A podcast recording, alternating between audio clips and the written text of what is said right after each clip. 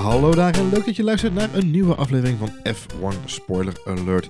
We zijn nog steeds druk bezig met ons mini-seizoentje in een seizoentje. Meer meta kan ik het niet maken vandaag. Uh, we zijn druk bezig met het bekijken van de docuserie Drive to Survive op Netflix. En reviewen keurig elke aflevering. Samen met jullie praten we nog even na. Um, we zijn aangekomen bij aflevering 8, Musical Chairs. Um, of zoals ik hem heb genoemd, Marjolein, uh, All About the Abite Boeman. All about the Boeman? De Boeman in dat geval. De boeman, de grote boeman. Mm. Uh, want we hebben het gehad over constanten in deze serie. Het is het tweede seizoen. Um, en een van de constanten in deze uh, aflevering vind ik toch wel dat het Cyril Abiteboul, de teambaas van Renault, voor het tweede achtereenvolgend seizoen lukt om als de minst sympathieke man in de Formule 1 grid te worden gezien. Ja, en dan moet je rekening houden met het feit dat Gunther Steiner er ook rondloopt. Ja, precies. ja, maar die zat nog in al zijn... Die echt ineens een heel schattige huisman is die er te soep staat te koken in zijn huisje. Ik wilde net zeggen inderdaad. Dat is dan nog een soort van uh, uh, een therapie die uh, de, de, de vloek de van, van dat is een lievertje. Dat is een schatje. Bij, schatje. Bij de, de duistere en, en echt totaal niet te vertrouwen Cyril Cyril Abiteboul is de manager die iedereen wel eens gehad heeft. en wat je uiteindelijk heeft doen besluiten, om ook al was die baan nog zo leuk, steek hem maar in je... De plek waar de zon niet schijnt. Want ik trek dit niet meer en ik ga wat leuks doen met mijn leven. dat is Cyril Abiteboul. Hey, laten we wat een lul. het is gewoon een lul. Echt. Ja, het is een lul met twee oortjes. Uh, laten, we het, uh, laten we het hebben Moeten we nog meer zeggen over deze aflevering of nee, zijn we nee, klaar? dat was hem. Ja, dat start, start de outro, jongens. ja, ik roep even naar de jongens, want mensen weten niet, we hebben hier een live band zitten die altijd de outro speelt voor ons. Maar... ik ben, ja, god, ik, ik, ik, ik, ik was al team Nico Hulkenberg, maar ik ben nu net zien van, van de hele inside story. Voor zover we de complete inside story krijgen. Maar je krijgt toch iets meer achtergrond in deze aflevering van het hele Renault-verhaal. Uh, ja. Dan dat we uh, aan de buitenkant uh, gezien hebben. Ja. De, de, de aflevering, uh, de naam Musical Chairs verwijst naar een opmerking die Nico Hulkenberg maakt. Want deze aflevering gaat over het silly season. Hè? Dat ja, de stoelendans. De stoelendans. Hetgene waar wij het ook steeds hebben, silly season inderdaad. En Nico Hulkenberg, die, die vertaalt dat naar inderdaad de stoelendans. Uh, de musical chairs in het Engels genoemd. Uh, en we volgen Nico Hulkenberg eigenlijk op zijn weg naar de uitgang. Hoe, hoe naar dat ook klinkt als je er uh, op terugkijkt. Ja, het is, het is een logische situatie. Uh, het is iets wat we hebben vorige aflevering hebben we het over Sebastian Vettel gehad. Die zit ook in een lastig pakket. Nico Hulkenberg zat eigenlijk al een jaar lang in een hele lastige positie. Um, en Nico Hulkenberg is een slim, slim genoeg uh, persoon om zich dat al een hele tijd te realiseren. Je ziet vrij aan het begin van de aflevering, je ziet hem in beeld. En hij is eigenlijk vanaf het moment dat uh, Danny Ricciardo zijn nieuwe teamgenoot is, weet hij al dat zijn positie wankel is. Wankel is. Hij, daarnaast kent hij, iedereen in de Formule 1 kent het verhaal van Esteban Ocon. Later in de aflevering komt dat naar voren. Toto Wolf is zijn manager. Esteban Ocon loopt al een jaar lang in de pitbox rond. Elke keer is hij als een duvel uit, als een, uit een doosje. Is hij er ineens weer? Ja. Enerzijds dachten wij in onze podcast altijd dat dat was om Valtteri Bottas bang te maken. Beetje onder druk te zetten. Beetje onder druk te zetten. Uh, maar ik realiseerde me na deze aflevering Drive to Survive dat hij dat een seizoen lang ook gedaan heeft bij Nico Hulkenberg. Zeker, ja. Dat zwaard van Damocles, oftewel het zwaard van Esteban Ocon, hing, uh, hing een heel seizoen. Ja, ja. ja, maar dat is wel wat het is. Ik bedoel, ja. hij heeft een hele machtige manager. Toto Wolf is niet de, de minste in de, in de pitbox. Nee. Ze had gewoon een... Uh, een redelijk riante uitgangspositie dat het Mercedes of Renault zou worden. We zien duidelijk in, de, in, in, in dit verhaal dat um, eigenlijk de deal met Renault al rond was. Alleen is Cyril Abiteboul toen op eigen houtje met Daniel Ricciardo ook gaan onderhandelen. En Ricciardo, die was het hele Red Bull gebeuren een beetje beu. Die dacht, ja, ja Max Verstappen, daar ga ik het tegen afleggen. Daar ga ik het nooit van winnen. Ik ben er gewoon klaar mee.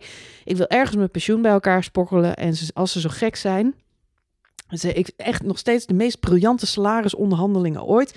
Hij is gewoon, weet je wel, iedereen heeft interesse in die jongen gehad. Ja. Hij heeft gewoon gezegd van, ja, ja, als jullie uh, 60 miljoen uh, over de brug komen, dan doe ik het. Toen hebben ze gezegd, nou, 50. Zei hij, nu 60.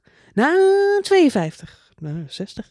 Uiteindelijk zijn ze ergens op 5600 miljoen ja, uitgekomen. Ja. uitgekomen. En ze hebben het hem gewoon gegeven. En ik kan me gewoon alleen maar de, de lach van Ricciardo voor, voor me zien. Op het moment dat ze zaakwaarnemer belde en zei: Je gelooft het nooit. Nee. Ze zijn akkoord. Ja. En op dat moment dacht Ricciardo: Wow, ik ga wel naar een mindere auto. Maar zoveel geld? En toen dacht hij, oh, maar dan moet ik zoveel afdragen aan mijn zaakwaarnemer. Wacht, laat ik dat maar niet doen. Maar goed, dat is een ander verhaal. Maar het heeft er wel voor gezorgd dat er bij Renault dus ineens door die, die malle actie van, van, van Abit de Boel... Nou, is er... En, en wat ik al zeg, Nico Hulkenberg die heeft het al sinds het begin van 2019 doorgehad... hoe die vork in de stils stak. En ze maken er dan nog een heel spannend eh, verhaal van. Eh, en ik geloof ook wel dat er zoiets bestaan heeft als een... Misschien een, een soort exit, een clausule in Hulkenbergse contract... Waar, waar bijvoorbeeld in stond als hij een podiumplek haalt, dat hij een wat hardere optie op verlenging had Ik denk, gehad. dat ze, ik denk dat ze bij Renault gewoon gezegd hebben, als jij een podium haalt, mag je nog een jaartje door. Zo verzekeren waren ze van de zaak dat het podium niet zou halen, misschien wel. Ja, maar, dat, maar dat, als dat alleen maar een mondelinge uitspraak was, zou ik niet geloven. Want Nee, ik maar heb goed. duidelijk gezien dat dit geen eh lievertjes zijn. eh, Nee, geen sens, geen sens. De loyaliteit is ver te zoeken en, eh, en erg sympathiek zijn ze ook niet Nee. naar elkaar. We hebben een van de eerste afleveringen was Haas en eh, harassment op de werkpla- eh, workplace. En hoe ze daar Ja, hoe ze daar met elkaar omgaan. En hoe, hoe Magnussen en Grosjean en hoe die lui continu in de zeik worden gezet. En, maar op de een of andere manier, er wordt ook gelachen en ze pikken het van elkaar. En het is allemaal koek en ei. En het is ook, nou, dat is een beetje hun manier van doen. Bij Renault zien we hetzelfde, maar op een manier die ik echt nog vele, vele, vele malen verschrikkelijker vind. Ja, omdat er eigenlijk geen, eh, er zit geen, ehm, eh, eh, geen wederzijds respect in. Het is gewoon sneren, het is vliegen afvangen. Het is, Ja. het is over elkaars rug proberen te scoren. Ehm, en een van de momenten, en dat wel leuk, ik wil een paar dingetjes even na- naar voren halen die ik genoteerd had tijdens de aflevering. En een van die momenten waarin je dat heel duidelijk ziet, wat jij nu omschrijft, is het moment dat Nico Hulkenberg naast Cyril Abiteboul zit in het vliegtuig op weg naar, volgens mij, ehm, eh, Frankrijk. Paul Ricard. Mhm. Eh, de thuisrace van Renault. En we hebben op dat moment hebben we net de, de, het grote debakel van Canada achter ons gehad. Waarin Hulkenberg en Ricciardo du- duidelijk te horen krijgen van... Oké, Hulkenberg, je mag Ricciardo niet aanvallen. Terwijl Hulkenberg dat natuurlijk niet liever zou willen dan dat. Ehm, dus Hulkenberg is gefrustreerd, is boos. eh, want mocht Ricciardo niet inhalen. Eh, en op dat moment maakt hij een grapje tegen de. Eh, volgens mij, wanneer, krijg ik mijn eerste, wanneer krijgen we de Renault privéjet eens een keer te zien? Waarop de Boel zegt, als jij je eerste podium haalt. Nou, die is dan nog op het randje. Maar vervolgens maakt Abit dan nog een paar opmerkingen na. Ook Hulkenberg maakt een opmerking, vraagt dan aan de cameraploeg. hey, vraag me eens even hoe die denkt over zijn coureurs. En op dat moment zie je ook een beetje met een frons reageren. En er ontstaat een hele nare, nare met, met een, eigenlijk met een glimlach. Maar er worden echt wel waarheden gesproken. En Abit de het vorig jaar ook al met Christian Horner. Dat zei tijdens de aflevering zei ik al tegen je. Volgens mij doet hij gewoon hetzelfde als vorig jaar. Op het moment dat Abit in de hoek wordt gezet... Dan, dan kan hij niet met een grapje relativeren. Nee, het is een hele rare vorm van Franse humor. Ja, nee, volgens mij is het dus geen humor. Volgens mij gooit hij gewoon de waarheid op tafel, alleen lacht hij erbij. Ja, Dat is eigenlijk wat hij doet. Eh, de meest tekenend vind ik zijn, zijn nou, we weten allemaal hoe het is afgelopen met Nico Hulkenberg in eh, Hockenheim. Ja. Moet wel zeggen, de, het was een knotsgekke race en er gaat van alles mis. En natuurlijk het uitvallen van Nico Hulkenberg zal ons voor altijd bijblijven als zijnde, god die arme jongen, eh, dit was echt wel zijn beste kans op het podium. Ja. Als je het fragment nog een keer ziet, dan valt me nu pas op ehm, dat hij natuurlijk ook P2 reed een tijdje. En dat, eh, dat moment dat Max Verstappen nog die spin maakt, die 360. Ja. eh, en Nico Hulkenberg zit daar echt best wel dicht achter. En je hoort hem ook over de boordradio zeggen, of hè, communi- communiceren over het feit dat Max gespind is. En dat, hij, dat het gat heel klein is. Met andere woorden, op dat moment kruipt toch ook een beetje de gedachte in zijn hoofd. Dat hij eventueel ja. dat die race nog zou kunnen gaan winnen. Ja, want Max Verstappen was uit het zicht en, en die verliest daar vier seconden met die spin. En in één keer ziet hij die Red Bull weer.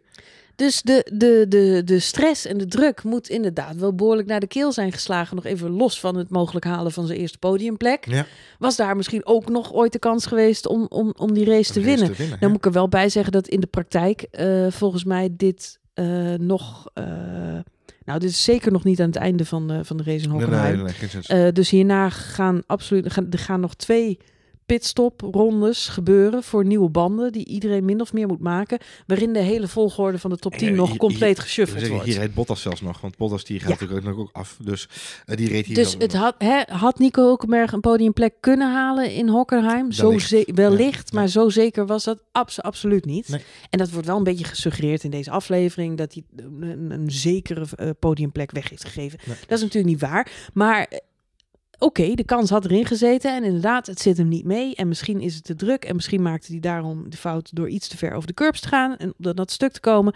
Maar de opmerking van Cyril Abiteboul, die aan het einde gewoon zo het noodzakelijk vindt om tegen iemand in zijn team op die manier eruit te flappen, gewoon weg ermee. Ja, ja, ja. ja. Dat, dat, oh man, daarom zeg ik, dit is de manager die we allemaal wel eens binnen een bedrijf gezien hebben. En waarvan we allemaal denken, jij zou geen manager moeten zijn. Zo ga je niet met mensen om. Nee. Een Toto Wolf zou dit nooit doen. Zie je Toto Wolf naar iemand van zijn, met willekeurig iemand van zijn team te omlopen? Weg ermee. Weet je, denk je niet dat Toto Wolf bij tijd en wijle pislink is op, op Valtteri Bottas? En dan Misschien, slaat hij met zijn vuist op tafel, dan is hij heel kwaad. Maar zelfs dat vind ik fatsoenlijker dan dat je het gewoon zo, zo, zo een beetje mompelt, zo van, weg ermee. het is, het is, misschien doet Wolff het wel, Marjolein. Maar dan is hij nog steeds slim genoeg om dat in de nabeweging te zorgen dat het eruit Ja, gehaald dat wordt. het eruit wordt geknipt.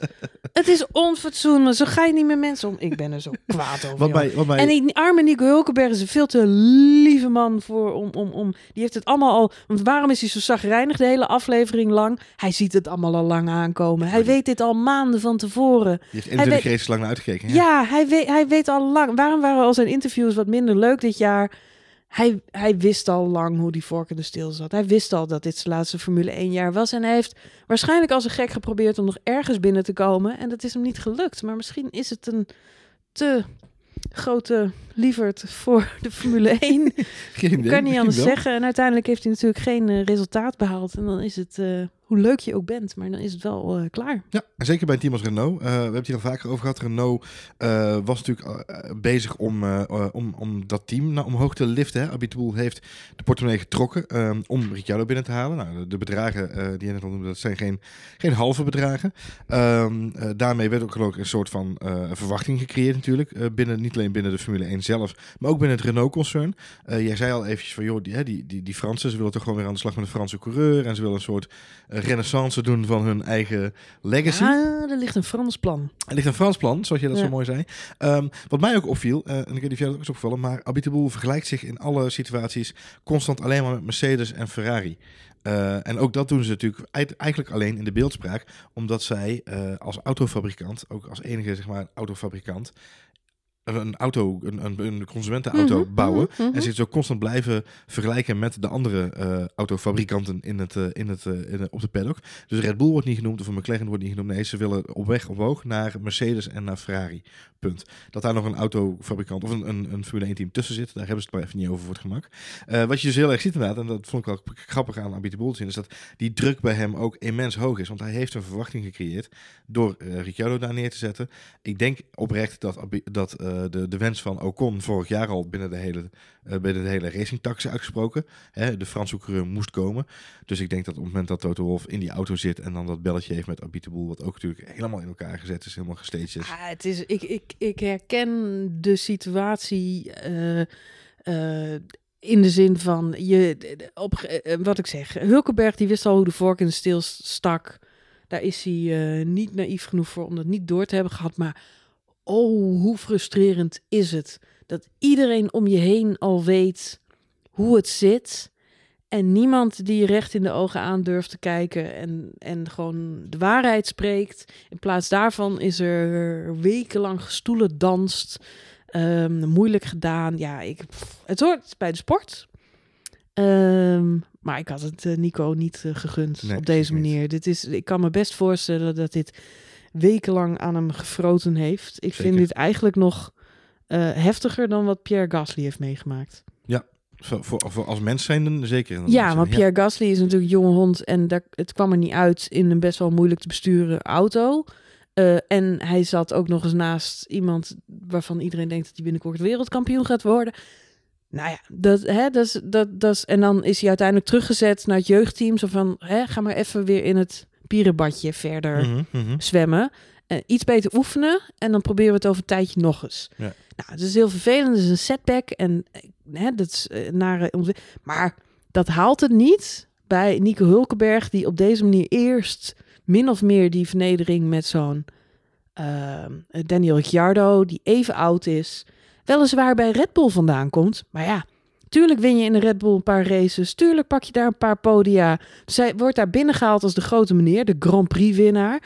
Ehm, ja, ko- dat is logisch, want hij komt uit een veel beter team en hij, hij is ook heel getalenteerd. Aan de andere kant moet ik zeggen dat ik eh, eh, onder, buiten de kwalificatie om Hulkenberg en Ricciardo dit seizoen best wel aan elkaar gewaagd vond. Jazeker, ja. Eh, ik vind Hulkenberg in veel opzichten een eh, stabielere coureur, omdat Ricciardo wel eens eh, te veel risico neemt en dat kost hem soms ook de race. Wordt gewoon aan het begin van de aflevering goed uitgelegd. Hè, dat, en ook zelfs Abit de Boel onderstreept dat. Dat toen eh eh, Hulkenberg tekende bij Renault, het team op de negende plek stond op de, op de ranglijst. Negende werd in het constructeurskampioenschap. En vorig jaar werden ze vierde. En daar heeft Nico Hulkenberg absoluut een rol in gespeeld. In de afgelopen drie jaar. Dat kun je niet, onttekenen. Hockenheim is gewoon een dijk van een regenrace door Nico Hulkenberg. Tot het moment dat hij uitvalt. Ricciardo is geen goede regenrace rijder. Nee. Twee jaar geleden of drie jaar geleden in Brazilië gezien. Hockenheim afgelopen keer wel. Uiteindelijk valt hij uit met eh motorpech. Ja. Maar regenraces en Ricciardo is volgens nog niet suc- eh, succesformule. Ja, dus het is best wel frustrerend om dan, ja, de nieuwe kid in town komt er dan bij. Hij verdient tigduizend, een miljoen keer meer dan jij. Ehm, hij is ook nog eens super grappig. Man, man, man. Wat moet Nico Ro echt... sorry, Nico Hulkenberg echt een... ja, deprimerend jaar hebben gehad. De Ik kan me voorstellen dat hij er even tussenuit De wil. vraag is Marjolein, wie denk je dat we eerder terugzien in de Formule 1? Fernando Alonso of Nico Hulkenberg? Dan zeker weten Nico Hulkenberg. Maar ik betwijfel. Of we ze beiden nog terug nee. Van Alonso weet ik het zeker. Die komt nooit meer terug. Maar die heeft ook veel. Dat is nou een type. Het tegenovergesteld van Nico Hulkenberg. Maar die heeft zoveel bruggen achter zich verbrand. Ja, ja, ja, ja. Die heeft gewoon echt ruzie met, met, met allerlei mensen. Nico Hulkenberg is volgens mij iemand die ook nog in, tegen zo'n Abite Boel gewoon een hele fatsoenlijke jongen is gebleven. En heeft gezegd van, nou oké, jammer. Maar ik pak mijn boeltje en... eh, Nee, maar daar is, daar is hij slim genoeg voor inderdaad. Ja, dus hij is waarschijnlijk. Ik, ik, ik vind Nico Hulkenberg een sympathieke, hardwerkende jongen. Ik had hem echt meer succes gegund in de Formule 1. Wat jij zegt is waar. Ik bedoel, hij heeft niet niets gedaan. Eh, hij heeft altijd goede resultaten gereden. Vorig jaar, 2018, best of rest, hè? Ja. Hij was zevende. Ja, Dus dan heb je Ferrari, Mercedes en Red Bull. En hij was zevende. Hij deed het beter dan alle andere Alle coureurs op de grid. Het is niet een nobody. Het is niet Nee. een loser. ze stappen er niet zomaar over. Ze stappen niet zomaar over iemand heen, om zo maar even te zeggen. Het is niet, een- niet een kleintje die aan de kant zit. Ja, ik vind, het, Nee. vind ik het absurd dat hij niet meer in de Formule 1 zit? Ja. Ja. Ik bedoel, Ik had hem liever dan een Latifi of zo. Of eh, hoe heet die? eh, die eh eh, Jo- Jo- Giovinazzi. Giovinazzi, Giovinazzi. Nee, of op de plek van Stroll. Maar ja, goed, dat is altijd Ja, moeilijk. nou Ja. nog eentje, ja. Nee, maar dat zijn mensen, dat zijn- ja, dat, maar dat heeft Nico Hulkenberg natuurlijk ook zelf ook in interviews, interviews gezegd. Er zijn mensen die kopen een stoeltje en zijn daarmee klaar. Hij kan dat niet. Hij heeft wel een, een aantal sponsoren waar hij op kan teren. Maar hij kan zich niet veroorloven om een stoeltje te kopen ergens. Hij komt niet met een zak met geld binnen. Ja, ik vind... ehm, eh, kijk, eh, eh, Daniel Ricciardo gun ik het ook niet hoor. Want Daniel Ricciardo is nu de gevierde man bij eh, Renault, want hij kwam daar binnen. Maar eh, vergeet niet, nu komt Esteban Ocon daar. Ja, Eh, dat is de Fransoos. Eh, dus Daniel Ricciardo gaat komend seizoen een beetje meemaken wat Nico Hulkenberg afgelopen jaar heeft gehad. of wat Sebastian Vettel heeft meegemaakt. Afhankelijk van wat Ocon uit die auto kan halen. Afhankelijk van wat Ocon uit die auto haalt. En nu Ja. denk ik, ja, ik heb zelf Ocon nog niet zo hoog zitten als Charles Leclerc. Nee, geen zins, maar meer in Maar- de, in de inter, inter eh, teamstrijd zou dat natuurlijk wel kunnen. Ja, ja. En mijn gevoel is nog steeds dat Daniel Ricciardo na dit seizoen zijn plekje bij Renault weer kwijt is. zou kunnen. Al is het alleen maar vanwege de begroting die genomen Ja, ik wou net zeggen, ze kunnen niet nog een keer dat budget vrijmaken. Dus eh, Het, het is misschien een beetje vreemd, maar ik wil deze Nico Hulkenberg aflevering toch afsluiten bij Daniel Ricciardo. Want ja, waarom niet? Want elke aflevering komt Daniel Ricciardo in terug. Uh, maar ook deze aflevering uh, werd ik één ding heel erg fascinerend dat ik nog even eruit wilde lichten.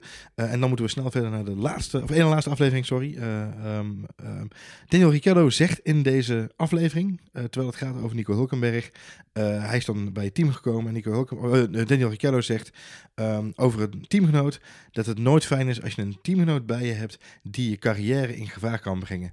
En als jouw teamgenoot beter is dan dat jij bent, hij is sneller, dan kan dat je carrière mogelijk eh, vernietigen. Hè? It will destroy your career. En dus is het dan tijd om iets anders te zoeken. Het gaat over Nico Hulkenberg en Daniel Ricciardo. Maar ik las alleen maar de reden waarom dat Daniel Ricciardo weg is gegaan bij Red Bull. Dat is in zijn hoofd de reden dat hij weg is gegaan bij Red Bull. Maar Daniel Ricciardo, ik vind het echt een hele leuke vent. En ik gun hem heel veel succes.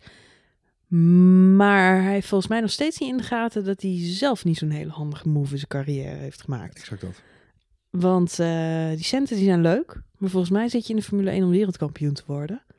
En waar gaat hij heen nadat Renault eh, straks wegvalt? Het enige, Marjolein, het enige wat ik me kan voorstellen, maar het is een hele, hele grote aluhoed, eh, is dat hij, eh, of nou, niet eens een aluhoed, maar gewoon een, een hele grote gok eh, in gevoel, is dat hij het idee heeft dat hij misschien naast Leclerc kan gaan rijden bij Ferrari op het moment dat Vettel daar weg gaat. Eh, Hmm. Dat komt bij elkaar samen. Hij eh, rijdt dit seizoen nog bij Renault. Vettel, zijn contract loopt af. In hoeverre gaan ze bij Ferrari de move maken? We gaan een, eh, eh, een Daniel Ricciardo naast een Charles Leclerc zetten. En op die manier proberen om, eh, om, om Ferrari naar een wereldkampioen te brengen. Maar dan 2021. aluhoedje ik even met je mee. Ja, een soort wakku wakku, alleen dan met aluhoedjes. eh, Ja. oké. Alu alu. Dus dan zeg jij, Vettel gaat weg. Maar Vettel die werd gezien in Kitzbühel bij eh, Red Bull. Mhm. Dus die is aan het lobbyen. Ik, jij zei vorige aflevering, Vettel ziet er vermoeid uit en die wilde mee stoppen. Ik krijg juist eh, heel erg de indruk eh, van Vettel...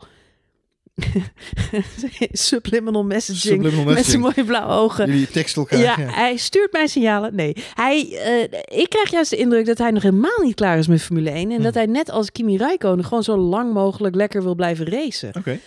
En dat is volgens mij ook de, race, de reden dat hij naar zo'n Kitzbühel toe gaat. En, en een beetje loopt te lobbyen met Red Bull. Hij is daar goed weggegaan. Hij heeft dat contact altijd warm gehouden. Hij is daar vier keer wereldkampioen geweest. Vettel has unfinished business. Die is nog niet klaar met Formule 1. En in tegenstelling tot Nico Hulkenberg heeft hij wel de luxe dat hij eventueel nog iets zou kunnen. In tegenstelling tot, eh, tot eh, Fernando Alonso, die al die bruggen verbrand heeft en niet zo lekker ligt, heeft hij de luxe dat hij hier en daar nog wat eh, leverage heeft. ja, ja, ja. Oké, dus verhaaltje afmaken. Vettel terug naar Red Bull naast Max Verstappen. Mhm, mhm. Vuurwerk gegarandeerd. Ja. Eh, dan krijg je Max Verstappen, die vier of vijf keer op rij wereldkampioen wil worden. Eh Sebastian Vettel, die ehm, daar een bijdrage aan levert. In een soort eh, ja, mentorrol en ook een hoop overwinningen mag scoren. Mhm. David Coulthard, Mika Hakkinen-achtige relatie. Ja, ja, Ja. Dan zeg jij Ricciardo naar Ferrari. Ja. Naast Charles Leclerc. Charles Leclerc, ja. Maar dat wordt dan helemaal niks, want het blijft toch Ferrari. Het eh, HBTF, ja, dat is onderhand Dus die-. Ik weet niet of het niks wordt. Kijk, 2021 is een hele grote verandering in de sport. Dus ik vind het op dit moment heel moeilijk inschatten eh, o- wat er dan gaat gebeuren. En je praat o- over dezelfde verandering die we hebben gehad in 2014. Dus lastig in te schatten. Eh, maar Lewis Hamilton die gaat door totdat hij... 55 is, ja. Precies. Of nou, ja, ja, 44. Valtteri ja. Bottas wordt op een zeker moment vervangen door George Russell. Dat denk ik wel, inderdaad, ja. ja. En Ocon die zit samen met Ja, dat is lastig. Maar ik denk Gasly. Gasly. Ja. En wat gebeurt er met Albon? Albon, dat is altijd een goede vraag. Het hangt voor, het zal voor Albon of ehm, Vettel ooit nog bij, bij eh, Red Bull komt te rijden, zal afhangen hoe Albon zich dit seizoen laat zien. Ja. Ehm, is hij goed genoeg om echt een nummer twee te worden? Mhm. Waarvan we altijd het antwoord weten. Ja, of gaat Max toch weg uiteindelijk? Dat, die kans is altijd aanwezig, want er zullen clausules zijn eh, in het contract van meneer Verstappen. Goed, voor de mensen die net intunen, welkom bij deze aflevering van de F1 Fabeltjeskrant. Het zou toch allemaal leuk zijn, hè? En waar zou- komt Nico Hulkenberg dan weer terug? Nico Hulkenberg die kan dan bij Williams gaan rijden. Ja, Oh. leuk bij Claire. We gaan door naar de aflevering over Williams. Blood, Sweat and Tears. Nou, dat is een notendop Claire's leven. Dat zou zo een, Albert, een, een, André Hazes liedje kunnen zijn, zou ik gaan zeggen. Maar laten we snel gaan kijken en eh, daarna snel weer door naar de volgende review. Voor nu bedankt voor het luisteren en eh, tot de volgende aflevering.